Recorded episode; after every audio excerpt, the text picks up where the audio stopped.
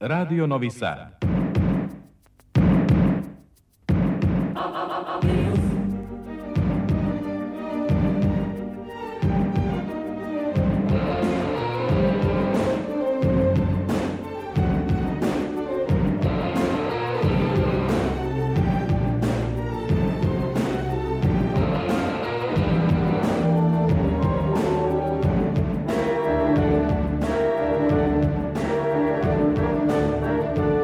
Spektar.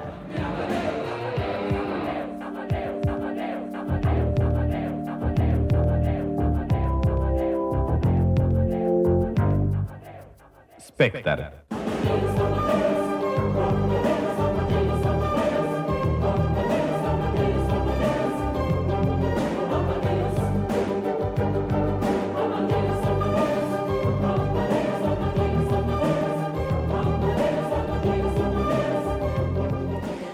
Deset sati i 14 minuta. Dobro večer, dragi slušaoci. Spektar večeras nudi za slušanje razgovore o dvema knjigama, o zbirci poezije Autopsihoza Đorđa Despića i knjizi Reka, jedna drugačija dunavska antologija.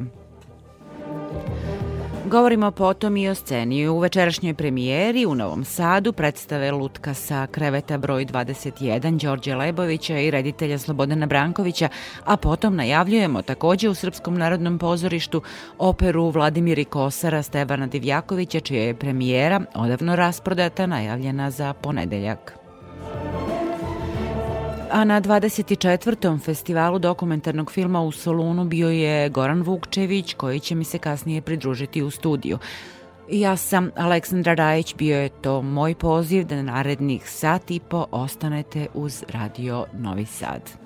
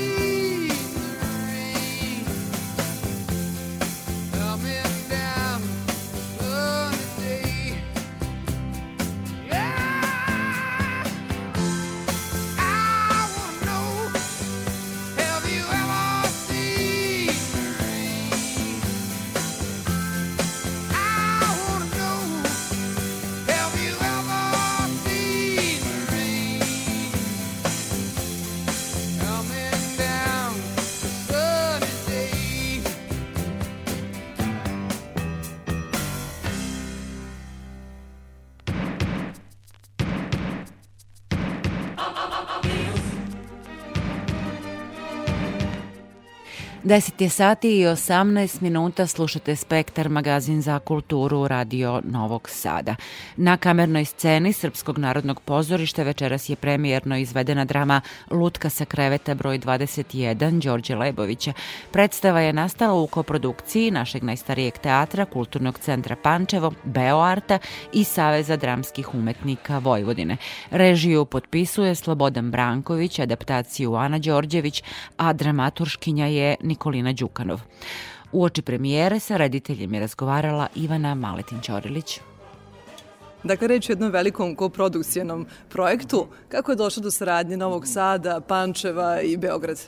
Pa, sama inicijativa je krenula od mene. Ja sam želao ovaj tekst da radim još e, dok sam ga pročitao na, na akademiji i prošlo je od toga više deset godina, ja sam uh, pokušavao uvek nekako da postavim taj tekst, međutim nekako sam uvek nalazi na odgovor da je to sve to teme koje se tiču drugog svetskog rata i da je već mnogo snimljeno filmova, predstava, u tome da su neke teme absolvirane. E, međutim, ja sam konkurisao sa ovim tekstom na gradskom konkursu za kulturu grada Novog Sada i prvo moram njima da se zahvalim, pošto su oni prepoznali vrednost projekta i onda sam ja a, sa tim sredstvima pričao sa našim producentom Borisom Miškovićem iz Beo Arta i onda je on a, e, ovaj, kontaktirao i Kulturni centar Pančevo i Srpsko narodno pozorište u kome sam ja već radio jednu predstavu Lažu i paralažu i nekako smo se svi saglasili da je ovo izuzetno aktuelna tema i priča i da je toliko to nešto važno i kad ste svesni da radite nešto jako bitno i važno, onda onda, onda se i sve te neke produkcione stvari lakše rešavaju. Kako ste kao reditelj pristupili Lebovićevom tekstu koji tretira tu osetljivu i bolnu temu iz naše prošlosti? Mene je pre svega privukao sam Lebović, njegov rukopis, njegov majstorski rukopis, njegove replike.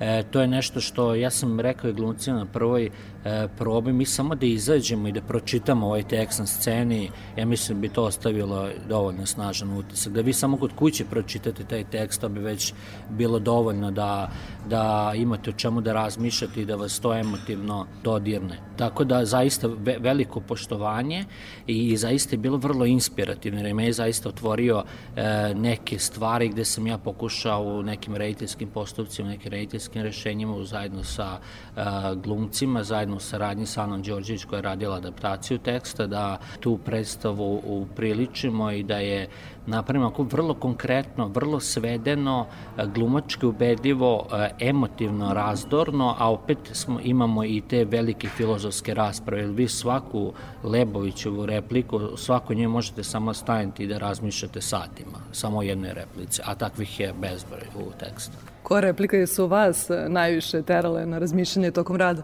Ima ih zaista mnogo, zato ne, ne bih nešto posebno izdvajao. Ono što je meni bilo ideja vodilja, to je kada sam pročitao tekst, nikad mi nije bilo uh, jasnije, očitije ko je žrtva, ko je zločinac. A opet je Lebović svojim likovima dao takvu neku moć da oni tu takvu očiglednu istinu transformišu i pervertuju neku potpunu suprotnost i kad vi vidite s kojim lakoćem je moguće manipulisati sa tako nekim očiglednim istinama, vi možete samo da se smrznete od straha. Ako je tako jednu očiglednu istinu moguće transformisati e, i ubediti vas u nešto drugo, kako je onda to sa ovim nekim drugim u kojima nemate toliko saznanja gde stvari nisu toliko očigledne?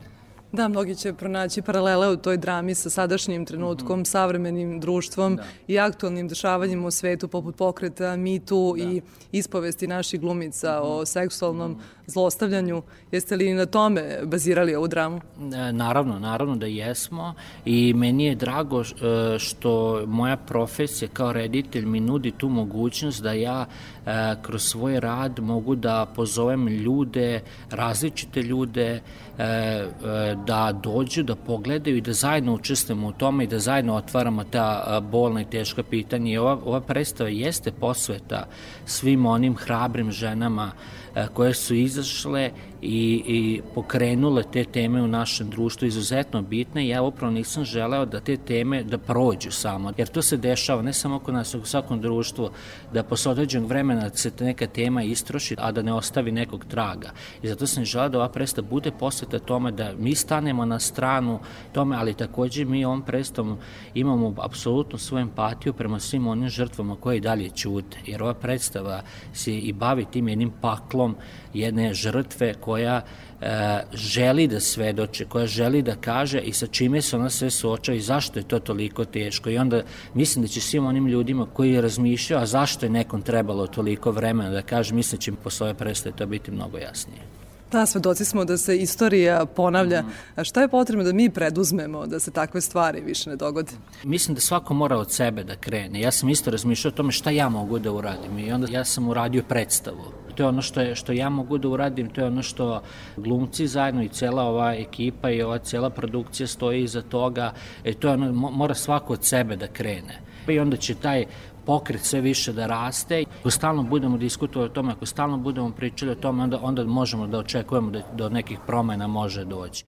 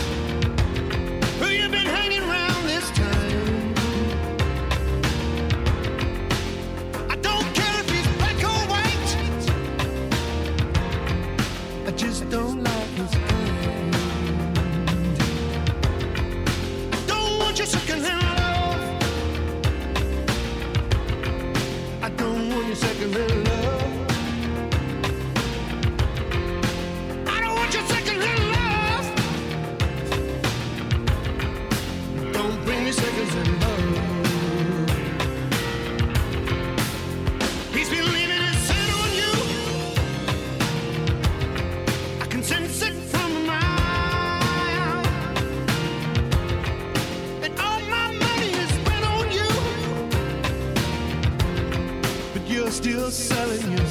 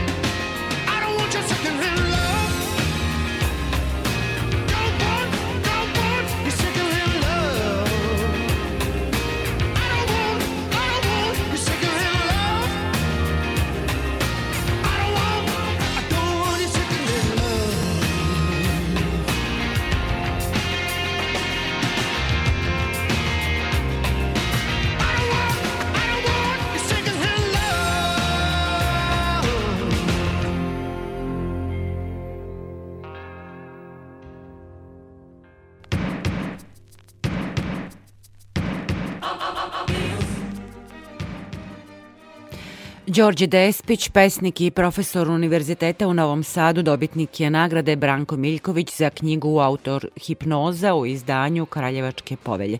Sa Despićem tim povodom razgovarala je Tatjana Novčić-Matijević. Ja sam sasvim sigurna da kada pesnik dobije nagradu koja nosi ime Branka Miljkovića, to ima posebnu težinu, posebno zadovoljstvo, samom činjenicom da Branko Miljković, pa čini mi se uz Vaska Popu, eventualno još dva imena, jeste onaj jedan visoki prag kojem svaki pesnik teži da, da se približi, ako ne dosegne. Branko Miljković je zaista jedno veliko pesničko ime koje zajedno sa nekolikim pesničkim imenima, evo Vaska Popuste pomenuli, ja mogu pomenuti još i Miodraga Pavlovića, na primer, ili e, Ljubomira Simovića, Stevana Rajičkovića, Jovana Hristića i tako dalje. Dakle, to su sve pesnici koji su obeležili e, taj prvi period nakon drugog svetskog rata i zapravo svojom poezijom vratili srpsko pesništvo u one moderne tokove, evropske moderne tokove, kojim je naše pesništvo i pripadalo pre tog rata, ali iz nekih ideoloških razloga, e, društvenih, istorijskih razloga, prosto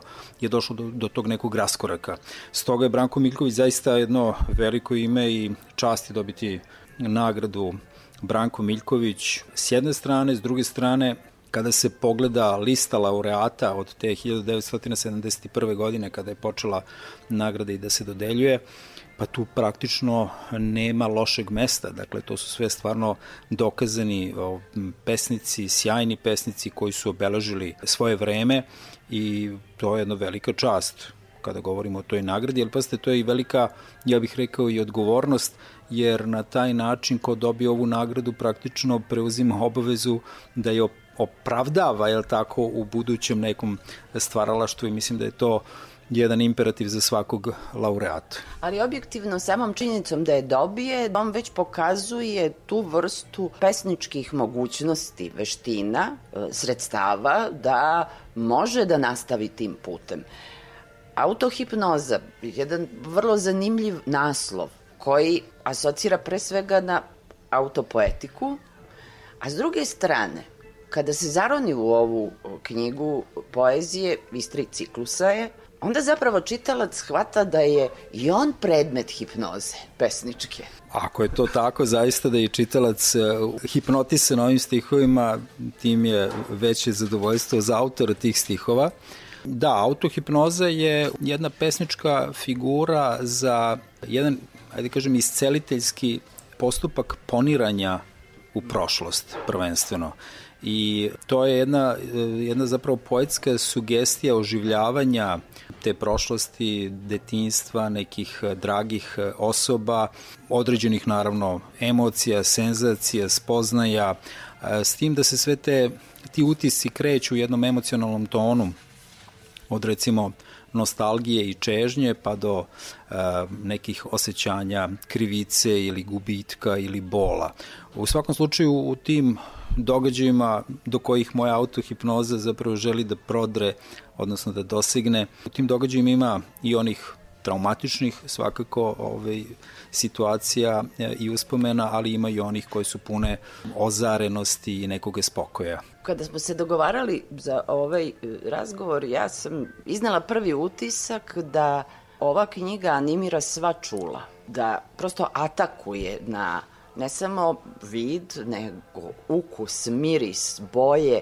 Uprkos tom nostalgičnom tonu ona zapravo jednu živu energiju emituje. Vi ovde u jednom trenutku kažete da reč je kao udica koja u belini zabaci se pa šta se zakači od, od tih sećanja. Ali onda se zakači pesničkom veštinom jedna toliko snažna slika koja upravo je taj mikrosvet prepun detalja, emocija, upravo te energije o kojoj stalno govori. Meni je zaista drago ukoliko e, su takvi utisci, jer to jeste bila moja intencija da što je moguće više i da kažem ubedljivije oživim taj svet i taj prostor koji se nalazi negde duboko u meni, u mojim sećanjima, u mojim uspomenama i do kojih, eto, ne mogu drugačije prosto da dođem nego kroz taj jedan igrivi autohipnotički e, postupak, je tako, jednog nagovaranja samoga sebe i ubeđivanja samoga sebe da dođem dotle i da pokušam da jednostavno oživim taj... Uprko ta, toj sumnji, jel da početno je da... Naravno, da, ta sumnja... Istrepinji, šta, šta, će, šta će izaći? Tako je, mislim, ali pasite, to je zaista interesantno, ja sam, na primer, e, ponekad uh, pesmu zaista doživim kao nešto bezmalo kao da je nešto živo i koje ne može tek tako da lako pristane na neke moje naume, već ona se i otrgne, zaista se otrgne mojim početnim željama,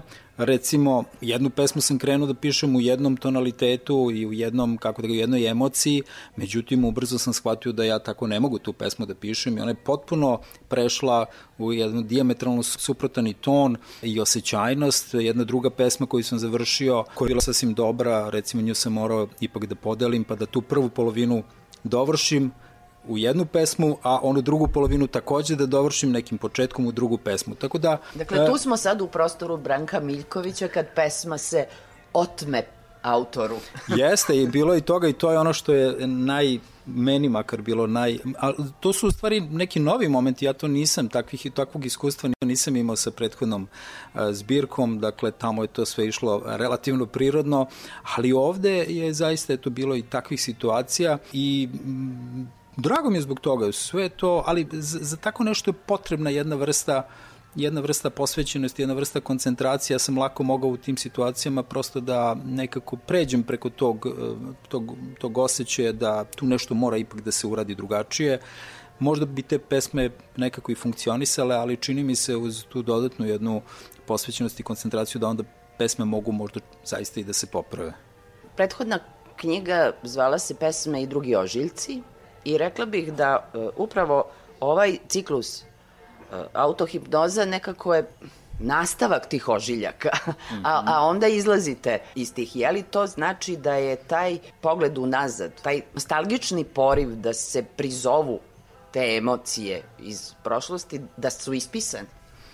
Pa upravo ste i već je bilo nekih reči upravo na tu temu da po tom pitanju ove dve zbirke korespondiraju i da se nekako dodiruju, pa čak ako hoćete i nadovezuju. Ja ih nekako ipak gledam kao odvojene zbirke, ali definitivno među njima postoji e, jedna vrsta, jedna vrsta bliskosti i srodnosti, posebno po tom pitanju povratka u detinjstvo i prisećanja pa i tih nekih akcentovanja tih bolnih, e, traumatičnih zbivanja koje su se dešavala mom junaku i u, i u prvoj zbirci, toga ima kao što vidite i ovde, međutim čini mi se u nešto manjoj meri.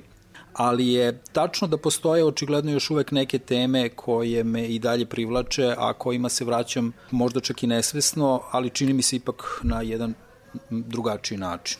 Vi ste zapravo obe ove knjige napisali, usuđujem se da kažem, kao zreo autor čovek pun i životnog i profesionalnog iskustva, dakle, poezija nije išla onim uobičajenim šablonom da sa 50 i kusur godina već imate desetak pet, ili 15 da. knjiga da. poezije, ali je, obe su nagrađene uh, važnim nagradama. E sad, čudnovato jeste samom činjenicom da, da ste do sad samo dve knjige poezije objavili i da su, evo, obe zavredile pažnju uh, Prva je nagrađena tom medaljom Miloš Crnjanski, Tako takođe je. jedan velemajstor jezika, a sada ova Branko Miljković, Ne znam prosto, je se plašite da napišete sledeću knjigu?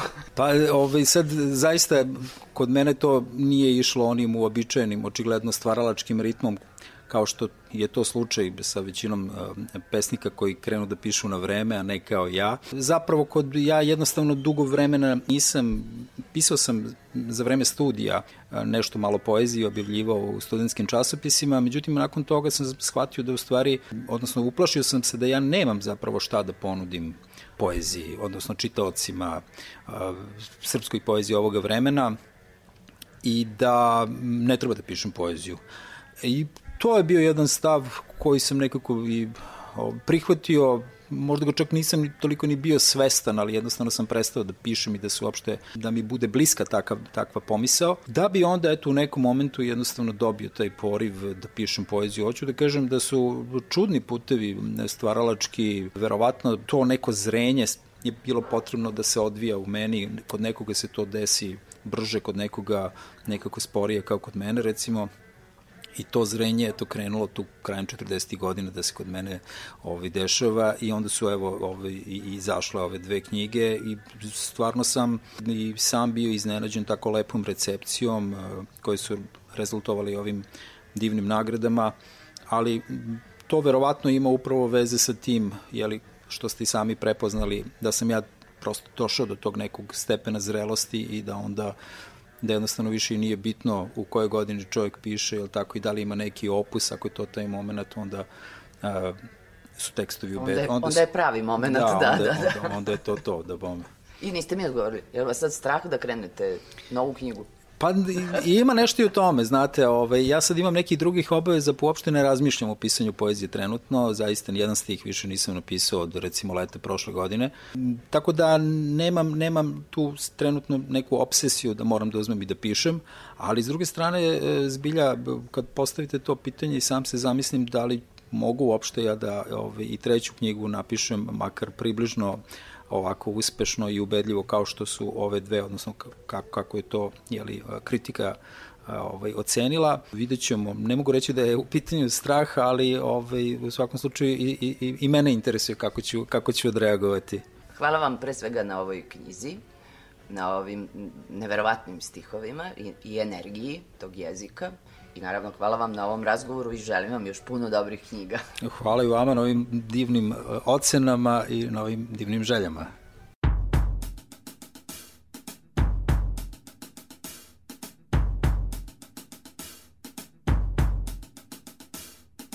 Rain keeps pouring down Houses are cracking People drown Cars are rusting here floats by, washed in the blood of the Lamb.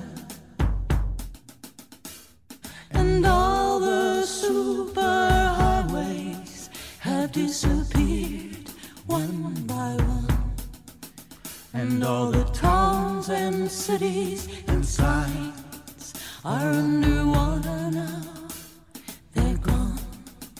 We're going down by the muddy river.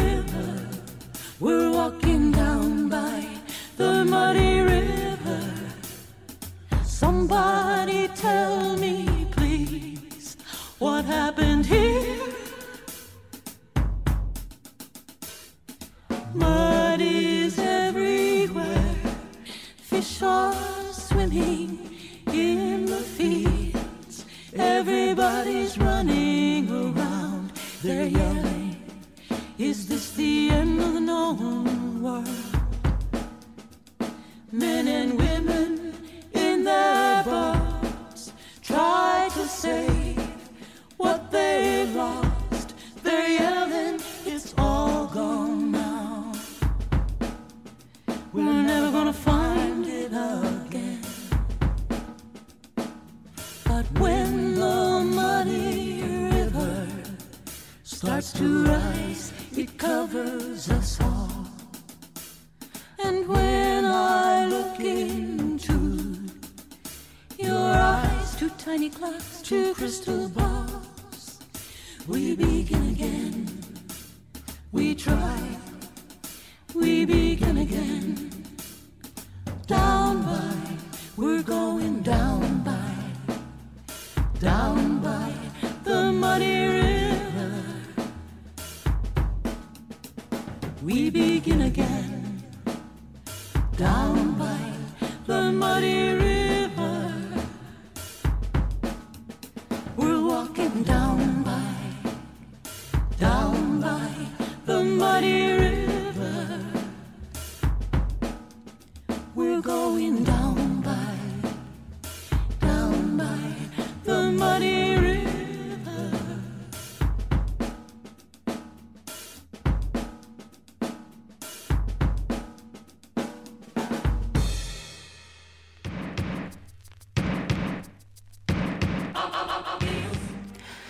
Nema reda na Dunavu, kaže jedan od pisaca citiranih u knjizi Reka jedna drugačija dunavska antologija.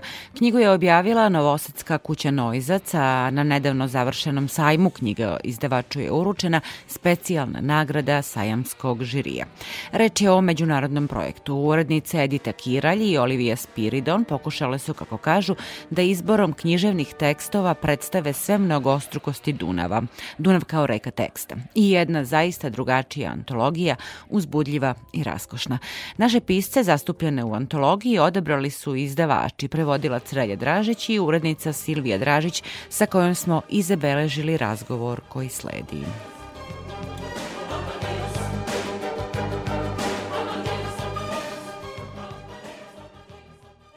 Reka, jedna drugačija dunavska antologija. Naravno, mene najpre zanima po čemu je ova antologija drugačija od drugih.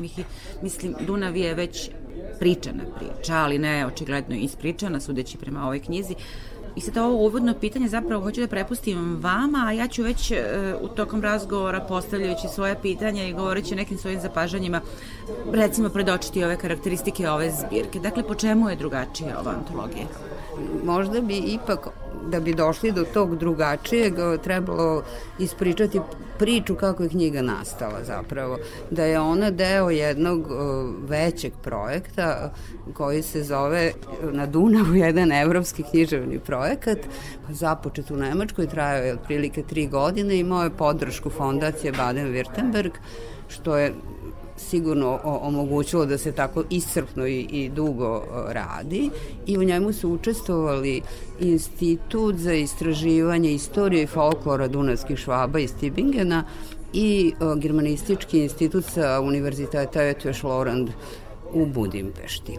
Tako da su neki od ovih tekstova i sadržaja antologije još razmatran i isprobavan, kako to autorke kažu, na nekim seminarima koji su držani na jednoj Dunavskoj adiji u Budim, oko Budimpešte i deo tih e, zaključaka i razgovora ušao je i u ona uvodna poglavlja antologije o kojima će biti reči. Ko su autorke? Priređivačice su Edith Kiraj i Olivia Spiridon, e, obe su po nekoj osnovi vokaciji germanijskinje, imaju još dodatnih ovako zanimanja ili bolje rečeno interesovanja i knjiga je prvo izašla na nemačkom jeziku. Onda je ideja koja je nosila projekat, ajde da tako kažem, da i sama knjiga nekako isprati uh, tok reke i o, da se objavi na nekim jezicima koji se govore u toku Dunava. Do sad je objavljena na nemačkom i u isto vreme se pripremalo mađarsko i srpsko izdanje ne znam da li je mađarsko već objavljeno, mi smo bili nešto brži, ali to mađarsko i srpsko su identični. Znači, u mađarskom izdanju je malo izmenjen sadržaj u korist mađarskih autora, a mi smo dobili priliku, do duše, na sasvim ograničenom broju strana da dodamo i te naše autore, s tim što će oni isto tako biti prevedeni u mađarskom izdanju u tom početnom nemačkom izdanju postoji samo uh, Mihajlo Pantić. A mi smo onda uh, dodali par autora, dodat je Danilo Kiš, to su zapravo fragmenti iz tekstova, Aleksandar Tišma, Slobodan Tišma, sa jednom pesmom uh, Judita Šalgut tako je, onda Mirjana Novaković i Siniša Tucić sa jednom pesmom. Znači, mislim da nisam nikog zaboravila. Dakle, to je sad ta antologija koju mi ovde vidimo. I taj uh, urednički deo uh, tog posla, zapravo uključivanje naših književnika u ovu zbirku, jeste u stvari vaš bio posao, vaš yes. izbor. Jeste, to je bio naš reljeni moj izbor. Moglo je tu još toga da, da se doda. Prosto nije bilo više mesta, imali smo još neke, neke ideja, ali ovaj, eto tako, ali mislim da smo nekako uvrstili ono najbolje iz ove naše lokalne literature novosadske, to je, to je mislim, dosta važno. Ne znam, jesmo li preskočili da kažemo... Da, Paviće, naravno. Ne znam, jesmo li preskočili da kažemo slušalcima da je zapravo ova knjiga zbirka književnih tekstova e, književnika i to, moram da kažem, raskošna zbirka. Zapravo i nekako diahronijski veoma širokog e, obuhvata od tamo negde Nibelunga, ako se ne varam, počinje Helderlinom, e, pa sve do e, savremenih pisaca tih podunavskih zemalja i tematski je vrlo široka. Ja bi sam tu našla i neke geografske, botaničke tekstove, ne samo knjižene naravno, ali koji imaju neku literarnu vrednost ja nekako se uvek zabrojim i nikako ne da uspijem da dođem do tog tačnog broja, ali sigurno ima preko 70 autora. Osim toga, tekstovi su multižanrovski, znači imamo fragmente putopisa, proze roma, iz romana, pripovedaka, imamo poeziju, imamo publicističke radove, tako da i to doprinosi e, raskošnosti samog e, teksta. Drugo, autorke su zaista imale, imaju besprekoran ukus i, i svi tekstovi I su... Da, da, i, i svi tekstovi su izvanredni, da to i, ta, i takođe uh, doprinosi čitanosti. Da, tekstovi idu od srednjeg veka, pa do današnjeg dana. E sad, zašto je ona drugačija? Pokušat ću da nađem neki odgovor na to. Ovaj, kad sam pripremala knjigu, onda sam s jednim svojim prijateljem s kojim razmenjujemo ta čitalačka iskustva, pričala sam u njoj i dosta sam je površno opisala kao antologija tekstova u Dunavu. Na što me on pogledao i rekao, da li to funkcioniše? I sad ja sam rekla da, ali, ali me to nateralo da razmislim o tome šta je, kako to funkcioniše zapravo, ali nju zaista čitate kao roman, to je tu uzbudljivo i stalno vas tera dalje. I sad kao neki žanr okvirni bi to bila jedna tematska antologija. To, to je dosta sad u modi, vidimo da dosta tih knjiga izlazi, ne znam, antologija o bolu, o ljubavi, o apokalipsi. Da, bila bi još jedna zapravo antologija yes. o Dunavu. Ja mislim da se ne iscrpljuje samo u, da, u e, pa sad, sad to hoću da da objasnim. Znači, te antologije, čovjek ono pročita dva, tri teksta pa mu dosta, pa onda opet za par dana može. Ovde nije taj slučaj i naravno odgovor nije tako nedokučiv, odgovor je u toj strukturi, kako su priređevačice ustrojile knjigu. One su u stvari izabrale 25 e, toponima, nekih tematskih fokusa koji su okupile te tekstove. E sad, ti tekstovi idu od onih e, ajde da kažemo, geografskih, koji opisuju svaku reku, ne znam, izvor, obale, ušće, pa onda malo specifičnije tu su ribe, pa tu su poplave. Način izlovljavanja da, ribe, da, do, sasvim, da, da, da. sasvim abstraktnih zapravo pojmova. Jeste, e, i, ali sa šta se dešava? Na izgled ta fizička priča zapravo odmah ima u sebi i tu vertikalu, jednu istorijsku dimenziju, uključuje vreme i to ne samo u smislu onih velikih narativa o događajima koji su tu protutnjali, nego do sasvim nekih lokalnih priča tog sveta života koji se odvijao na nekim uh, toponimima Dunava. I sad moram da pomenem neke tekstove ko, ko, koji su...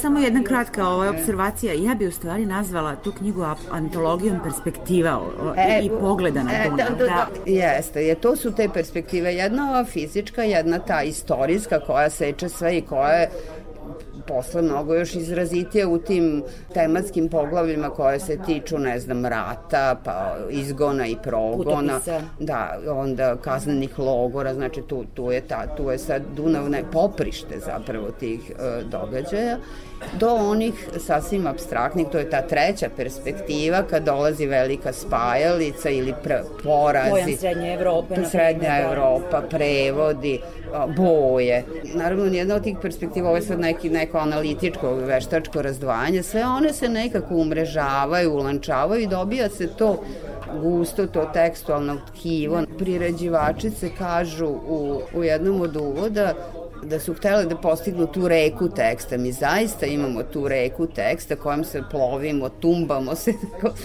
sa velikim uzbuđenjem od, od ušća, od izvora do ušća. Da, da, rastu tekstovi ja, prema ušću, da. jeste. Rekli ste da ćemo pomenuti neke od pa autora. Pa ja bih, osim naših, da, ja recimo sam veliko uživanje imala čitajući dva teksta autora koji su mi bili potpuno nepoznati. Jedan je Arnold Bronen, to je tekst o poplavi koja se dogodila u, u 1955. zapamtila zbog godine u Gornjoj Austriji. To je jedna izuzetno uzbudljiva priča koja je povezala uh, to nadolaženje vode dolaženje poplave koja polako osvaja ceo taj kraj sa jednom ljubavnom pričom koja se paralelno događa i to je toliko uzbudljivo napisano, ja sam tri put čitala zašto sam lektorisala, da svaki put sam istim uzbuđenjem. Takođe u tom ima za mene nepoznat autor Gert Jonke, on je mislim i neki dramaturg ili režiser. Priča se zove Državni most i to je priča o, o mostu u Beču koji je uz veliku pompu izgrađen ove 30 i neke i potom se 76. jedne noći ili zore sam od sebe srušio u Dunava. Ali je to ovaj, on jako duhovito povezao, pošto je on nakon elaboracije o tome kako čovjek treba da se ubije i koliko puta je pokušavao bezuspešno to da uradi, dakle tog jutra je konačno odlučio i krenuo na most da skoči s njega, međutim most ga je preduhitrio. Da, ima tu još duhovitih tekstova, recimo sjajne persiflaže i duhovitosti Esterhazija, koga smo na, već smo pomalo na njega zaboravili. Zatim oko Penka u prevodu Relje Dražića, mislim da se pomučio sa tim prevodom. E, knjiga poziva na čitanje, pa evo i ovakvih književnika na koje smo negde zaturili, ja bih rekla. Jeste, ja, fanta, ima fantastičnih. Onda recimo Pavličića, koga stvarno davno pretpostavljamo, da, mi ovde u Srbiji nismo čitali. I o, još jedan kvalitet i e, odlični tekstovi, ono što sam pročitala jesu, na primjer, Kartaresku, ovi tekstovi o Adi Kale. Kartaresku, koga je u našu, da, koga je u našu kulturu zapravo uvela ja, ako mogu tako da kažem, Ileana Urs u svojim Jeste, prevodima. Da. E pa da, možda bih sad ovaj, ovo prili, možda i nije prava, ali trebalo bi pomenuti prevodioce koji su učestvali. Da, da, da. Relja je prevodio sve uvode i deo tekstova sa nemačkog, Nikolina Zobenica e, sa nemačkog i engleskog, Arpad Vicko sve sa mađarskog, i Leana pomenuli smo. Zdenka Valen Belić je prevodila sa slovačkog i sa, ja mislim da ima jedan češki tekst, Mila Vasov sa bugarskog i, i jedan tekst sa francuskog je preveo Bojan Savić Ostojić. Svi su stvarno to ovaj, sjajno uradili. A isto, za mene isto bilo otkriće kad sam čitala knjigu ti putopisci. Johan Friedrich Kohl, Kinglake i ovaj Algeron Da, malo komplikovano ime. Da, da, da ali ne smo znam, recimo otkrili, odnosno ili se podsjetili toga da je Dunav bio put za Orijent, na primjer. Jeste, jeste. Da. Evo, tu ima sad, sad isto, to je prelepa priča me zanimljiva, ta o boji, o boji Dunava. Kako je u stvari, kako je Dunav postao plav? To plavetnilo je praktično došlo sa bečkim valcerom polovinom 19. veka A onda su, kad su štampali te note, naravno tu je bila i neka ilustracija i tu se isto tako pojavljivao Dunav kao, kao plav, a plav je bio, ja sad prepričavam ono što su ovaj, prirađivačice rekle, plav je bio zato što su u zemljopisnim kartama tog vremena običaj bio da se reke obeležavaju plavom bojom. Inače u stihovima je i beo. e da, e sad to je sad to, u stihovima, pogotovo kod Bugara je beo, javlja se i sivi Dunav, ali ima isto jedna pojava da, da Dunav boj menja boju u odnosu na kontekst. Pa recimo u ovoj izuzetnoj Dunavskoj tužbalici Mihajla Korniša koji govori o, o streljanju jevreja 44. 45. u Dunav, pa onda to nekako poveže i sa revoluci, rat, revolucijom iz 56. E, tu je Dunav jevrejski žut. A kod nekih autora isto gde se govori o, o, o nekim stradanjima, Dunav postaje i mrk. I možda samo za kraj da uh, još jedan kvalitet knjige, a to su ilustracije. Da, ilustracije predstavljaju poseban kvalitet knjige i one zapravo uh, nisu doslovne ilustracije teksta, ne, nema tog uh, paralelizma između teksta, da tekst ilustruje. Imaju umetnički kvalitet. Imaju da. svoj umetnički kvalitet i, i, i zaista su izuzetno i mi smo zapravo imali prostora da uvrstimo dve fotografije uz ovaj naš e, prilog na srpskom jeziku, to su fotografije Željka Mandića i Miše Bokorova.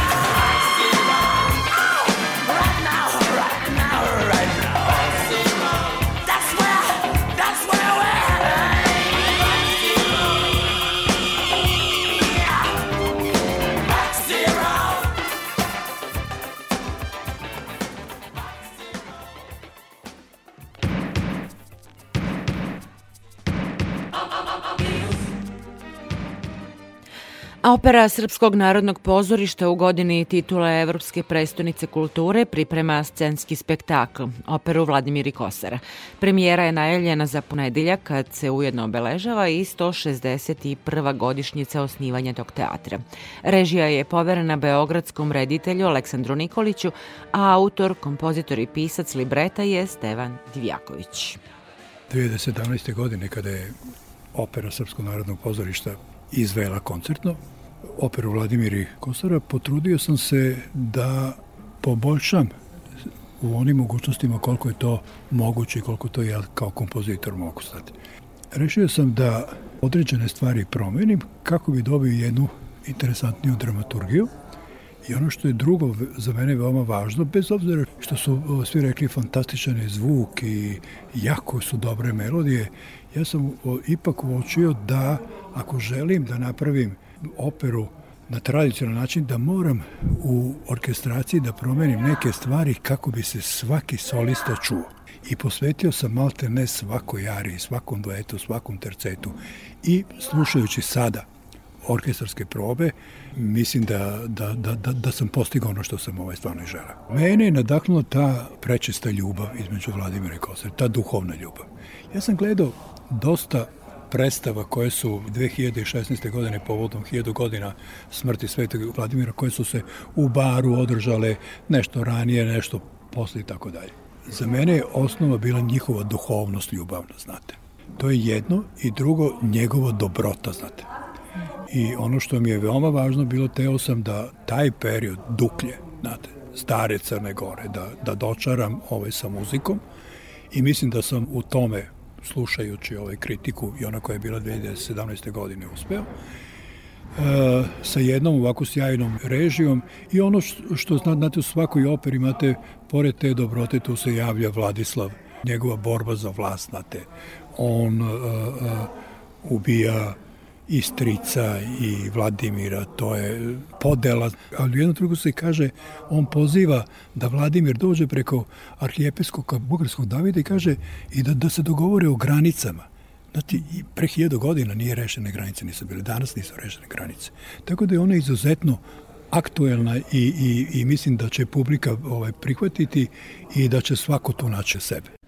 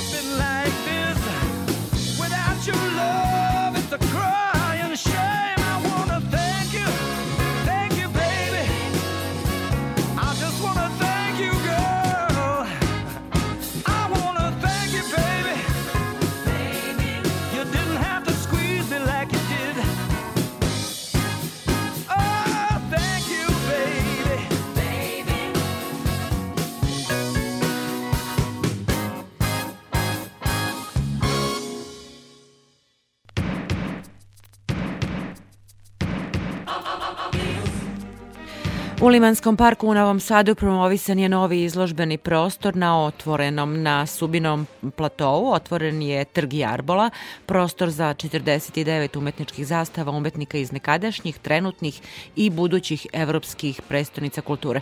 Evo šta smo zabeležili prilikom otvaranja izložbe.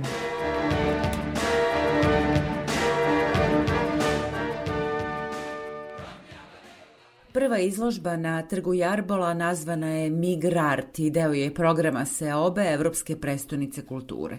Na temu migracije predstavljena su umetnička rešenja sedam umetnika iz Luksemburga, Mađarske, Norveške, Hrvatske i Srbije, kaže Vesna Latinović iz galerije Bell Art koja je idejni tvorac projekta. Ovo je potpuno nov, jedinstven projekat izrastao je iz iskustva Galerije Belart i nekadašnjeg Centra za vizualnu kulturu Zlatno oko, koji su do sada u Novom Sadu priredili desetak međunarodnih festivala umetničkih zastava od 2000. godine na ovamu. Dakle, naši sugrađani pamte kako se u više navrata pešačka zona Novog Sada transformisala u svojevrstan umetnički ambijent i s obzirom da je, e, da je to jedno iskustvo koje je zaista bilo e, prihvaćeno od strane publike, turista, stručne kritike, e, iz toga se izrodila ideja da 2015. godine, kada je bio prvi konkurs za projekte tada još neizvesnu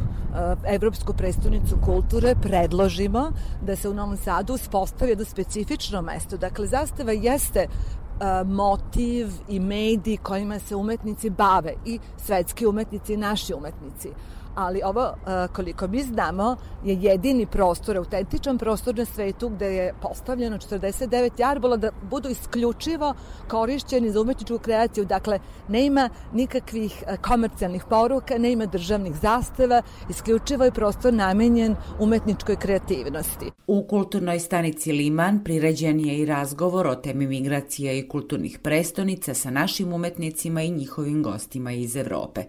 Evo kako novosadske umetnice Marina Milanović i Alena Klačikova vide projekat Trga Jarbola. Ono što tu može da bude zanimljivo jeste kao sam dizajn tekstila koji treba da se viori sad u e, nekom prostoru koji je potpuno otvoren. Ja sam tu pristupila nekako plakatski, ali i više nekako simbolički da na stvarno jedan ozbiljan način ispričam u sedam zastava šta jesu migracije koje zapravo jesu stvarno neka aktuelna tema uvek. Tako da na neki atraktivan, dopadljiv način pričam o ozbiljnoj temi i mislim da je to dobar način da uopšte iskomuniciramo sa nekako širokim narodnim masama. Ono što prvo mogu da kažem da možda negde malo ulepšava neku atmosfernu celinu, zapravo možda kao negde parka, arhitekture i tako dalje, možda postoji neka šansa da se i na taj način ipak neka vizualna umetnost kao da kažem, približi na nekom svakodnevnom nivou prolaznicima koji prolaze kroz Limanski park i tako dalje. Kao projekat sam po sebi izgleda dobro, naravno da je uvek bilo to neko pitanje kao šta će se sad desiti sa tim projektom, pošto je to uvek, kad su neke promene u gradu, kad je arhitektura u pitanju ili uopšte neka izmena te vrste, uvek ljudi nekako malo negoduju, ali mislim da je kako da kažem, utisak moj negde prvi je bio dosta pozitivan kad sam došla na sam plato. Mislim da je danas vrlo važno da umetnost izlazi na ulice, da se sučeljava sa publikom, da bude otvorenija u tom pogledu i da je ovo jedan ovaj, odlična realizacija, zaista sam zadovoljna. Zastave su vrlo jasne, frontalne i ljudima čitljive i pojmljive i mislim da je to negde napravljen dobar most, jer često ljudi imaju prema recimo tradicionalne slici neki možda odnos strahu poštovanja koji neće imati prema zastavi jer im je zastava nešto bliže. Leo Kirinčić je dizajner iz Rijeke i saradnik umetničke asocijacije koja promoviše savremenu kulturu. Svojim radovima dekonstruiše, kako kaže, ideju zastave kao teritorijalnosti i nacionalnog simbola. A Rijeka je, podsjeća umetnik, prošle godine bila jedna od evropskih prestonica kulture. Mislim da koji svaki projekt u, u životu imalo svojih uspana i padova.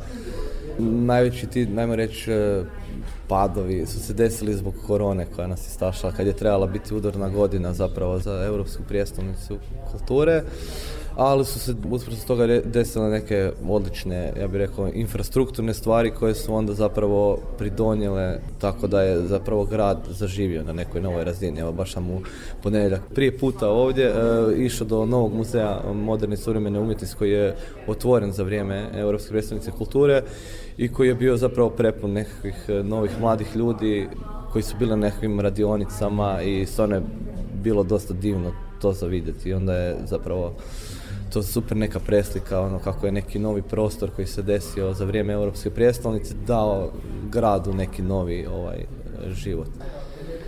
Meni je super ta paralela između Rijeke i Novog Sada, zato što bi više Zagreb recimo usporedio sa Beogradom, koji zapravo usisava sve te manje gradove i zapravo onda tim manjim gradovima nekako uvijek ono ko da fali prilike da pokažu svoj pravi potencijal i zapravo onda tu vidim neku poveznicu između Novog Sada i Rijeke ne? i onda što mu je zapravo predstavnica kulture dala neki tip prilike da on e, na neki način ovaj, da zaživi u punom sjaju. Ne? Vaše zastave, o čemu govore?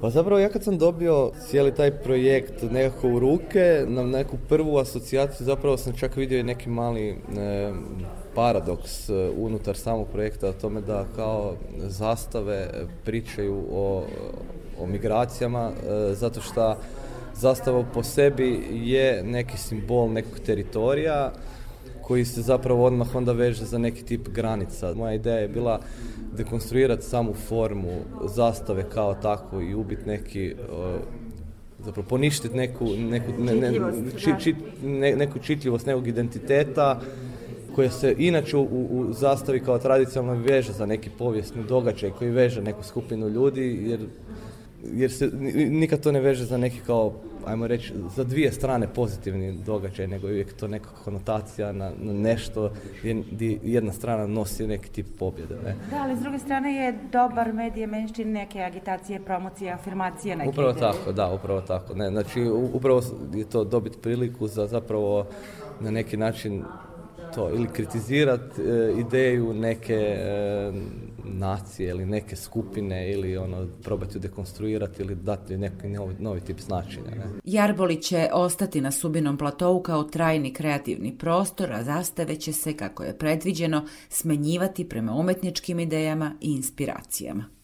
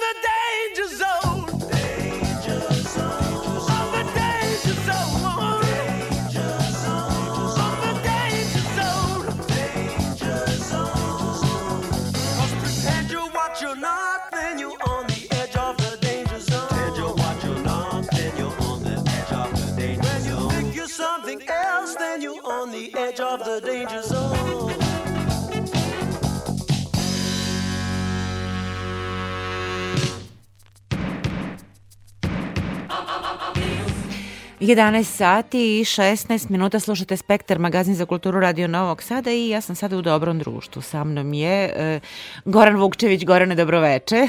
Dobroveče. Da, autor, ove, autor prethodne emisije da u dobrom društvu, inače televizijski i filmski reditelj, ali večeras u svojstvu, ja bih rekla, specijalnog izveštača, jel da, iz Soluna. Uh, ti si prethodnih dana bio na 24. Uh, festivalu dokumentarnog filma u Solunu. Nekako smo uobičajili ili poslednjih godina da slušamo tvoje izveštaje i, iz Grčke kada je reč o dokumentarnom filmu. Ajde da čujemo i, veče, i večeras, dakle, šta si to gledao u Solonu, kakvi su filmovi, kakav je repertoar bio, kakvi su programi? E, dobroveče najpre slušalcima, dobroveče tebi Sandra, baš mi drago, hvala na lepoj najavi.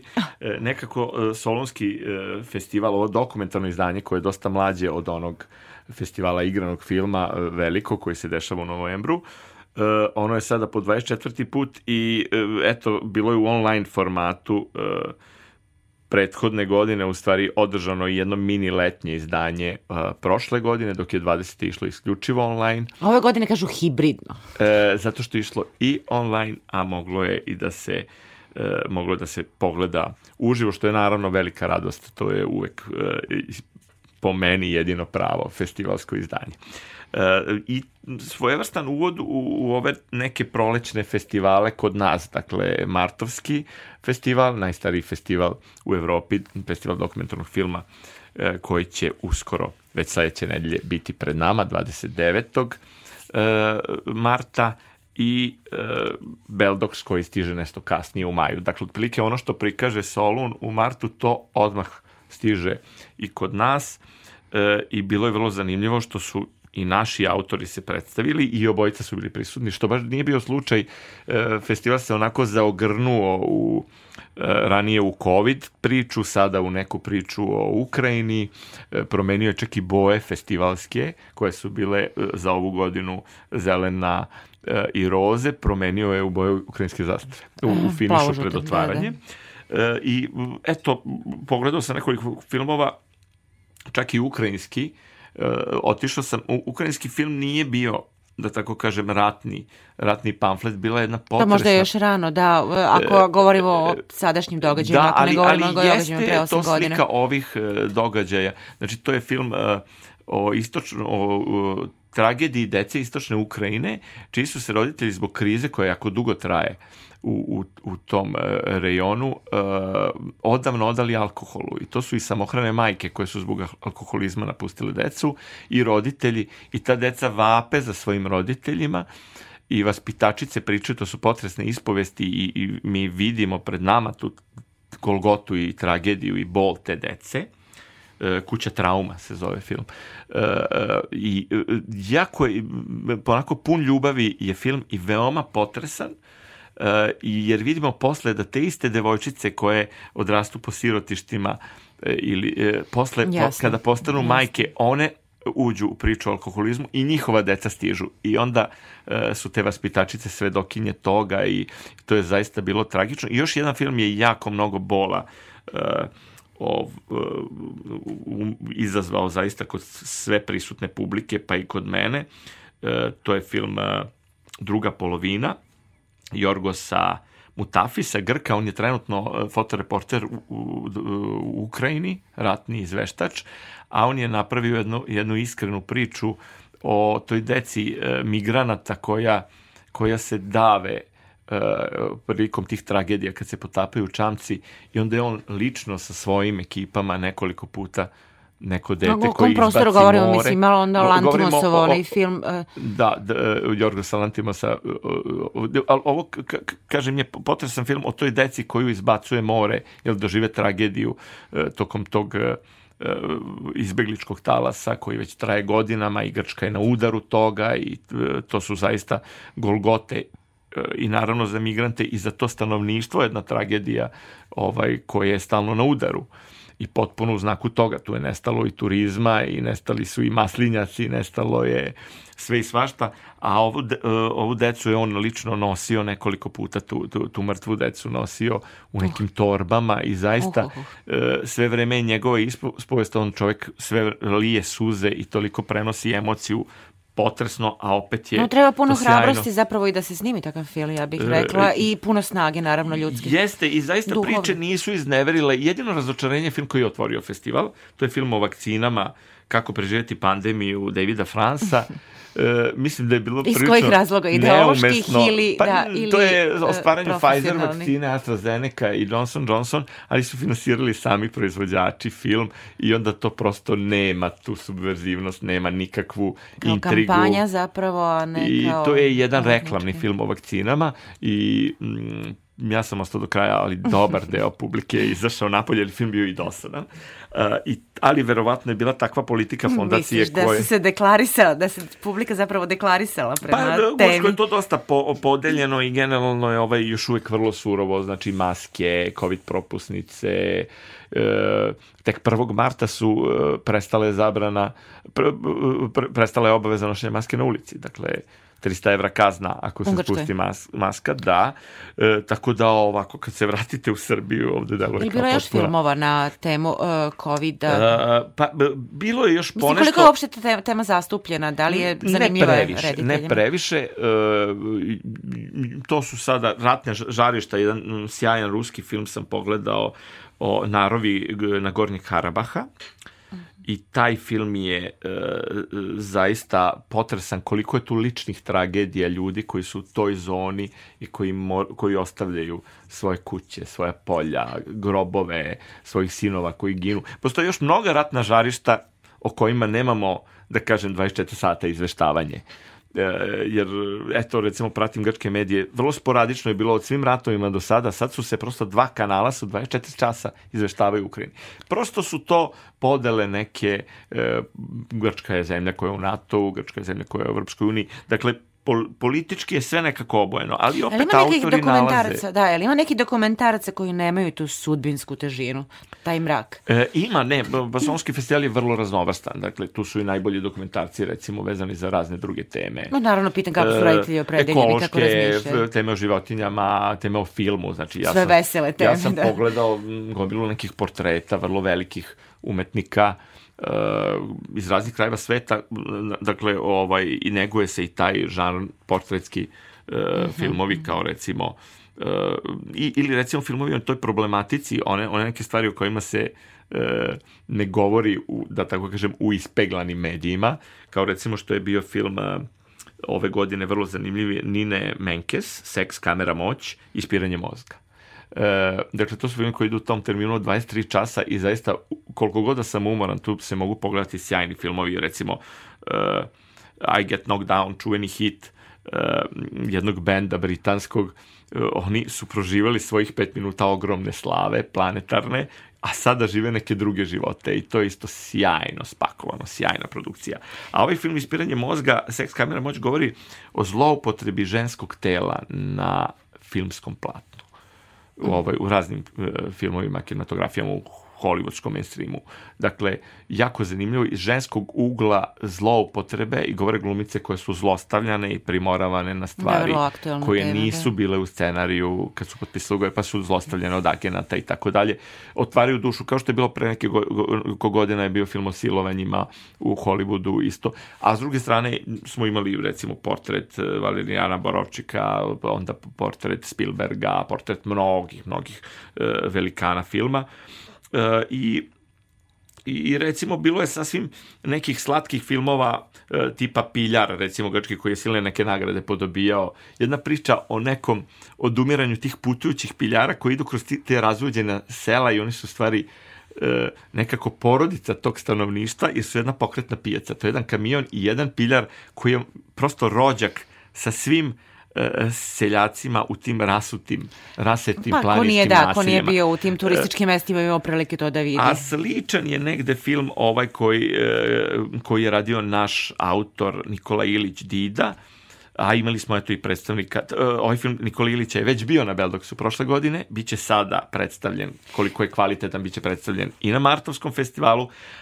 a film prilagođen i Dejana Petrovića i sa njim ćemo čuti razgovor, ovaj, govori o jedinstvenom azilu na svetu, to je azil nedaleko od nas u Sremskoj Mitrovici, u stvari e, tamo je 500 e, zbrinutih pasa koje socijalizuju e, zatvorenici sami. To je neka vrsta zajedničke terapije i za pse i za e, Dakle, slušamo razgovor sa dvojicom naših autora koje si sreo na festivalu u Solunu. Šta ćemo sad prvo slušati? Jeste, pa ču- čućemo prvo Dejana Petrovića, pa posle ću malo više reći o, o, Nikole, o filmu Nikole Ilića, jer prvo sam radio razgovor s Nikolom Ilićem, pa posle video film Takve su bilne okolnosti, a Dejan Petrović je prvi sagovornik. Evo da slušamo šta si zabeležio u Solunu. Dejan Petrović, e, autor filma Prilagođeni, vrlo zanimljiva tema i već tvoj drugi film koji se e, dešava u prostoru zatvora. Koliko je izazov raditi u zatvoru, Dejan? Pa, pre svega, pošto sam, da kažem, i prethodni film isti i ovaj film, e, prilagođen je bio ulozi producenta i reditelja, na neki način e, čini mi se da je veći izazov i teže biti ulozi producenta nego reditelja, tako imam utisak, zato što je uprko saradnji koju smo imali sa upravom i sa zatvorima, zapravo upravom za izvršenje krivičnih sankcija, Ministarstva pravde i zatvorima, uh, uprko saradnji dobro, jednostavno imali smo, da kažem, nekako uh, da kažem, otežavajuće okolnosti u smislu što je moralo sve da se onako isplanira unapred, a opet s druge strane dokumentarni film je nešto što bi u najvećem broju slučajeva zahtevalo i neki trenutak koji je potrebno uhvatiti. Tako da je to, nekako smo se borili sve vreme i, ovaj, i, i kao rezultat, evo, dobili smo ovo što smo dobili. E, Ovde u Solunu na 24. festivalu dokumentarnog filma, to je u stvari posle svetske premijere prvo prikazivanje filma Prilagođeni. Tako je, u novembru prošle godine smo imali svetsku premijeru na ITFI. E, zapravo imali smo e, pre dva dana e, na Pendens festivalu u Kanadi projekciju i ovo je, da kažem, treća projekcija u suštini, jer je festival, mislim, završen juče u Kanadi, prekliče. Tako da je ovo, da, da kažem, onako u, u ovom delu Evrope najznačajniji festival i, i svakako mi je drago, s obzirom da sam prvi put i na ovom festivalu, a toliko sam i čuo o ovom festivalu i, i, i, i upoznao ljudi koji su bili na ovom festivalu i koji lepo pričaju o ovom festivalu i ono što mi je drago, po prvi put sam u Grčkoj, što je neverovatno. Da, to je sjajno i divna je bila reakcija publike i e, kratki filmovi i dokumentarni igrani uglavnom imaju život e, gotovo isključivo na festivalima.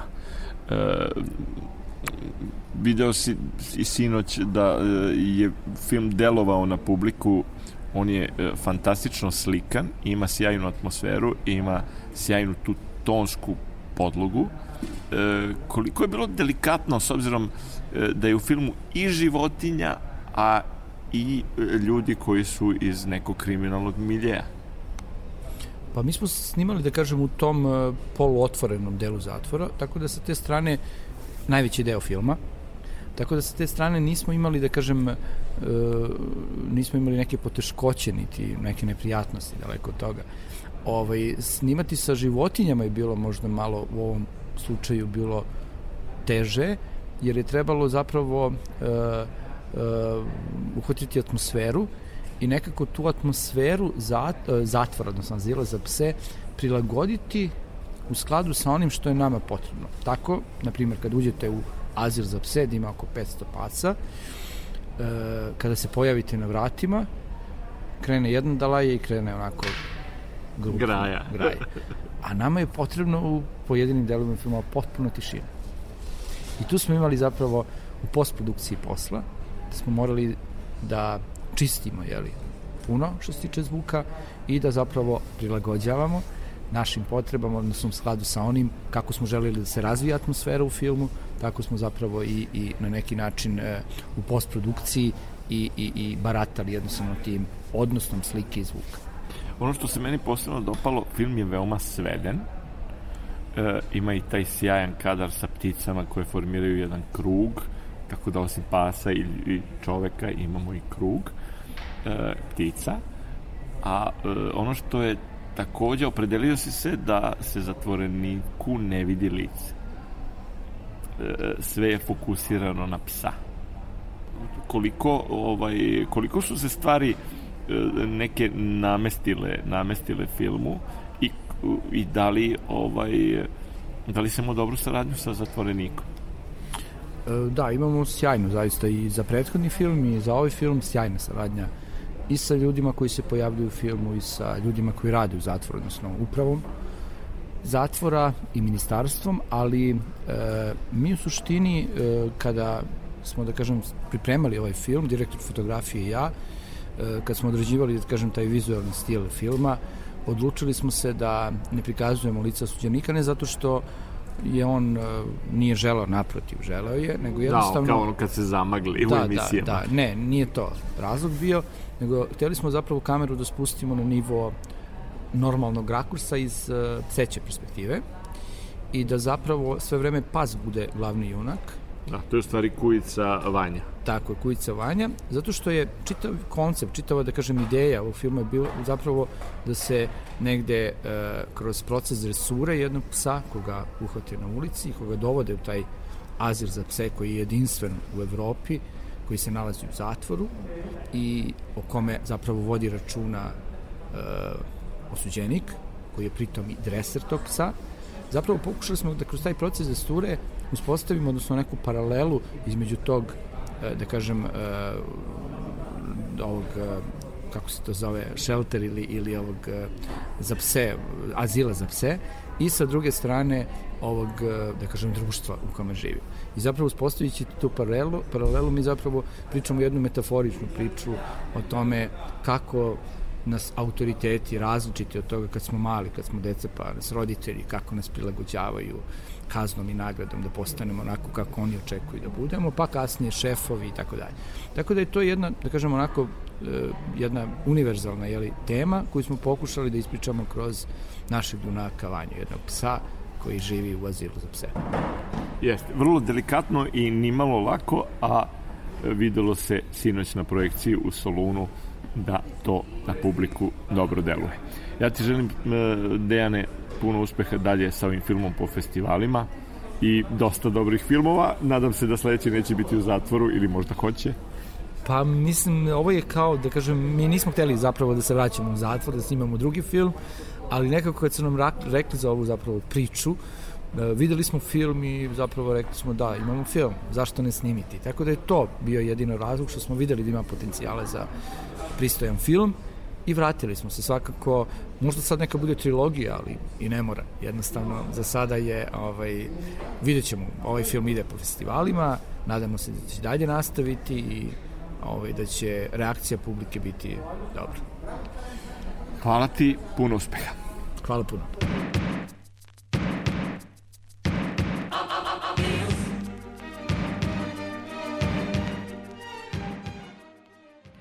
I samo da podsjetimo slušalci koga smo Da, čuli čuli. smo- Dakle, Goran Vukčević sa mnom, poštovani slušalci u studiju. Razgovaramo o festivalu dokumentarnog filma u Solunu.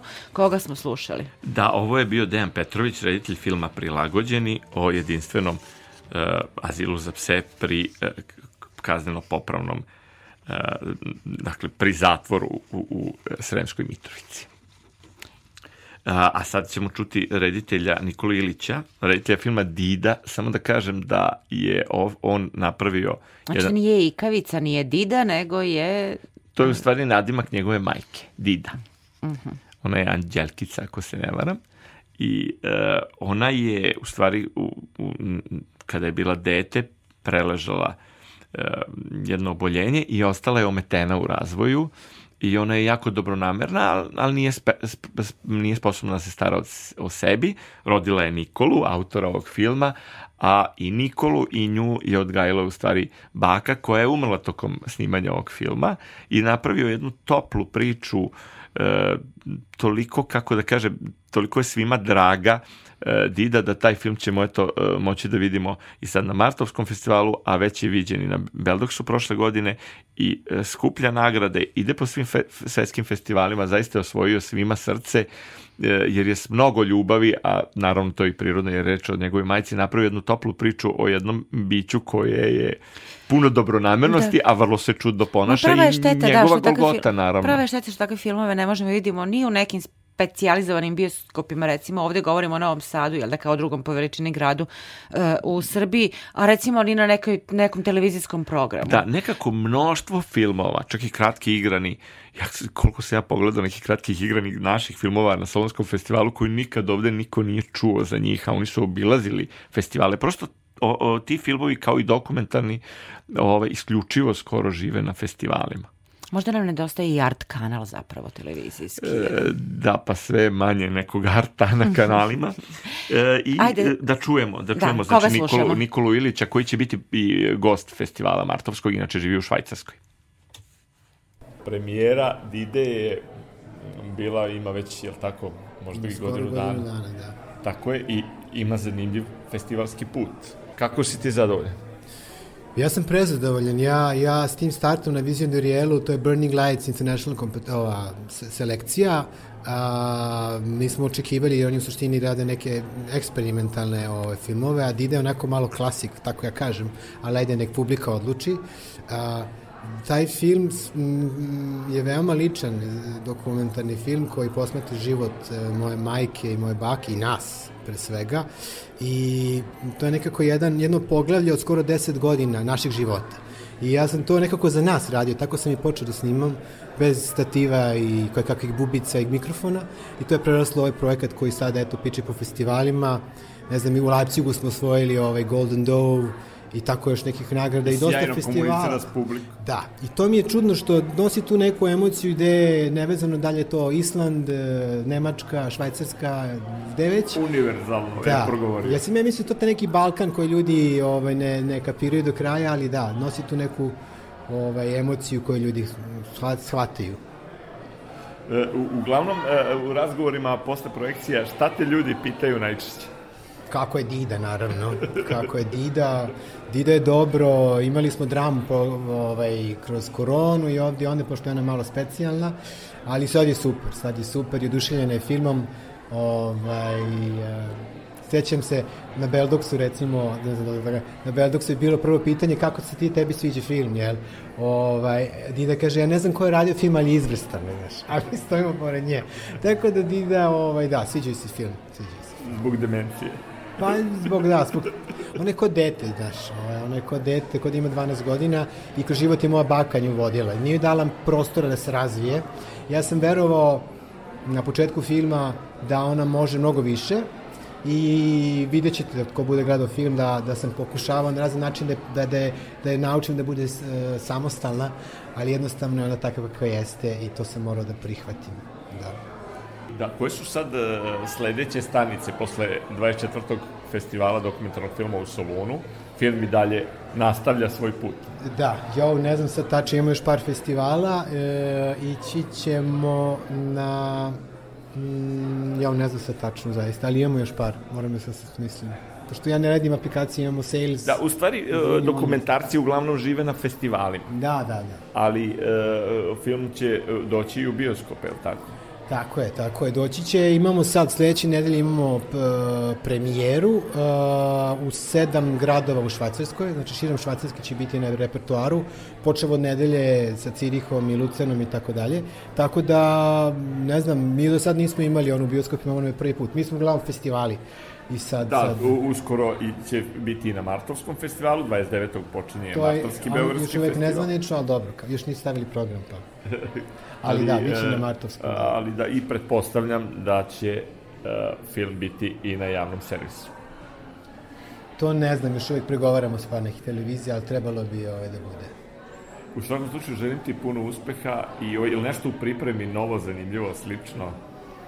E, ima, ali ne bi da sad pričam o tome, još uvek Da, se to... ne da. treba unapred, Da, da. svakako. Ništa, ja ti želim puno uspeha i dalje sa Didom i u svim sledećim projektima. Hvala puno. E, dakle, i u nadi da ćemo evo, ipak možda videti taj film na nekoj od televizija. E, Da, Goran, di, divna još... poruka, divna poruka. Da, E, i Vedrina. I Vedrina Da, da. koju emituje e, o, o, tvoj sagovornik. I, I zato što ako imamo takve te, te, teške životne ol- okolnosti, da imamo majku kroz čitav život i odrastanje koja ne može da se brine o sebi, Život to moramo pogledati sa da. radošću i ljubavlju, inače ćemo stvoriti pakao.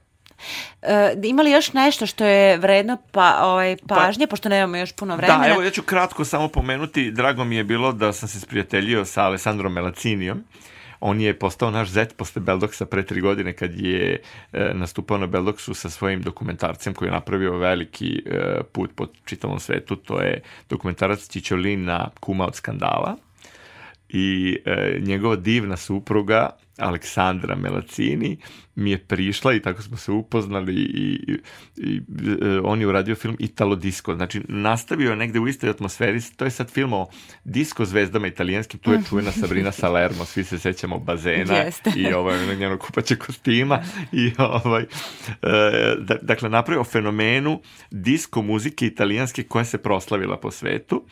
E, i, ta, I ono što je, recimo, meni još zanimljivo bilo, e, rediteljka Uli Decker, e, Nemačka, ona je ovaj, imala film u konkurenciji, e, je napravila jako zanimljiv film o svom ocu koji je preminuo i ona i njena sestra, majka im je otkrila da je njihov otac bio u stvari e, transseksualan Mm. i da je imao jednu skrivenu naviku da u ženskim haljinama ide noću po Minhenu a da su eto to krili od dece, on je njoj otvorio dušu i ona je to tek posle smrti saznala i onda je to analizirala, a otac je bilo vrlo ugledan i tako dalje, ali prosto je imao taj poriv, to nije, nije nadvilo nikakvu senku na njihovoj porodici, Naravno. ali ona je nekako to osve, osvestila kroz svoj autorski film s obzirom da je rediteljka, vrlo neobično i vrlo zanimljivo, ona je mnogo simpatična. Uh, I recimo, film koji je meni mnogo značio, što sam pogledao Another Place, grčki film Panosa Papajanisa i Dimitrisa Kolacisa. To je film, a, još jedan u nizu filmova koji otkriva Svetu Goru, to je nešto čime se i sam bavim. E, do sada najbolji koji sam vidio. Ne samo da je sjajno slikan, nego je dron je recimo korišćen sa merom, nije se niko, ovaj, da tako kažem, iživljavao sa Stara da pitam, tehnika drona. je verovatno puno E, uh, bolja nego je koji- nekoliko godina je sniman, slikan je besprekorno, s obzirom da sam bio toliko puta na Svete Gori ovih za ovih 32 snimao, godine da. e, i mogu da kažem da nisam vidio da je neko lepše snimio i autentičnije Svetu Goru. To, to ti kažem zato što si žena pa ne možeš da odeš da bih voleo da vidiš taj film na velikom platnu jer je to najbolji mogući, rea, e, najbolji mogući doživljaj Svete Gore ako se izuzme one kad si tamo. Aha, E, naj, najrealnija slika, A naj... pritom, najrealnija slika Svete Gore, koliko može da se to prenese filmom, preneto je maksimalno, a s druge strane, e, divno je složen mozaik, e, snimio je jedno 30 monaha, ali svako kaže po jednu suštinsku misao. Zato što sam ja pogledao filmove koji su rađeni iz 70. godina, britanski, i ovih nekoliko poslednjih godina, francuski, e, nemački, austrijski. Dakle, sa zapada mnogo, mnogo ljudi dođe i pokuša da otkrije tajnu tog e, pravoslavnog monaštva, te molitve na, na jedinstvenom tom prostoru Ali? Svete Gore Atonske, ali nekako ne dotaknu, to su skupe produkcije, to je mhm. ogroman novac, to je ogroman trud, ali nekako ne dotaknu suštinu. Ovde su monasi, ali autor je iz, odrastao pored Svete Gore, to isto možda mnogo znači da je od de, de, detinstva odlazio, iz Jerisosa je, uh, jedan od ove dvojice autora, i u, uglavnom uh, toliko su suštinu neku rekli, koja je naravno korisna savjet za sva ova teška vremena koja mi živimo. I ono što uvek pominju monasi da moramo svakog dana da zdrobimo svoj ego, jer on će pre svega doneti nama nevolje, a onda i svima oko nas.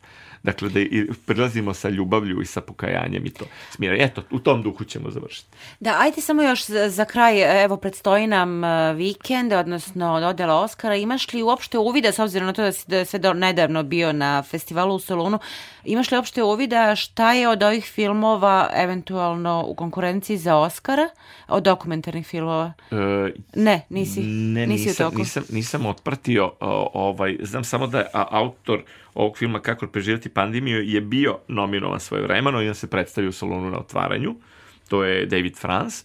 A, ali nekako je to mimo išlo, inače je festival u Solunu pratio i nekoliko puta je bio Oscar pa smo gledali prenos na velikom platnu i to je zaista bilo lepo, a ovoga puta e, je nekako to mimo išlo, više je bilo sve nad, nadvijeni je, bi- nadvijena je bila ta senka sukoba u Ukrajini s obzirom da se Grci jako boje da se to ne raširi na prostor Turske, e, Istanbul je vrlo blizu Soluna i uopšte e, ovaj e, energetska kriza koja je zapanjujuća je prilično da tako kažem ubila interesovanje za e, za sve ostalo. Te projekcije ne mogu da kažem da nisu bile posećene, ali bile su posećene mnogo manje nego sve do sada, nego sva festivalska izdanja koja sam do sada video. I ovde ajde da stavimo tačku da više ne govorimo o Oskaru, govorit ćemo o Oskaru kada prođe, da Jeste, ne recimo- kvarimo priču Hollywoodom i Netflixom, na primjer, E, tako je, a možemo da kažemo eto da 29. Uh, počinje uh, naš festival, Martovski, e, festival dokumentarnog i kratkometražnog filma e, čućemo znači od sledeće nedelje i Dejana Dabića s kojim sam uradio razgovor i, i odlazim dva dana sa sa Mirjanom Hadžić, koja je bila supruga našeg čuvenog Slavuja Hadžića. Hadžića. Ja sam tu nagradu dobio pre dve godine te čuvene 2020. sam ja bio laureat, tako da ćemo imati okrugle stolove, promociju knjige o Slavuju i predstavit će se retrospektiva njegovih filmova na koju treba takođe da govorim, pa ćemo nešto i zabeležiti za spektar a nećemo ostati slušalcima dužni ni oko Oscara. E, Gorana, ja ti se zahvaljujem na o tome što si mi pravio društvo večeras i što si podelio s nama utiske e, iz Soluna. I evo ovde možemo, e, koliko već ima, 13 minuta do ponoći, možemo polako i da završimo večerašnji spektar. Dragi slušalci, dakle, bilo je to magazin za kulturu Radio Novog Sada već od sutra na našem sajtu rtv.rs na odloženom slušanju možete poslušati ponovo celu emisiju. E, ovu, e, ovaj spektar realizovali su Zoran Gajinov, Novak Vasiljević, ja sam Aleksandra Rajić, Ostavljam vas uz noćni program Radio Novog Sada, uz emisiju Bulevar Sumraka. Čujemo se ponovo sledećeg petka. Želim vam prijatnu noć.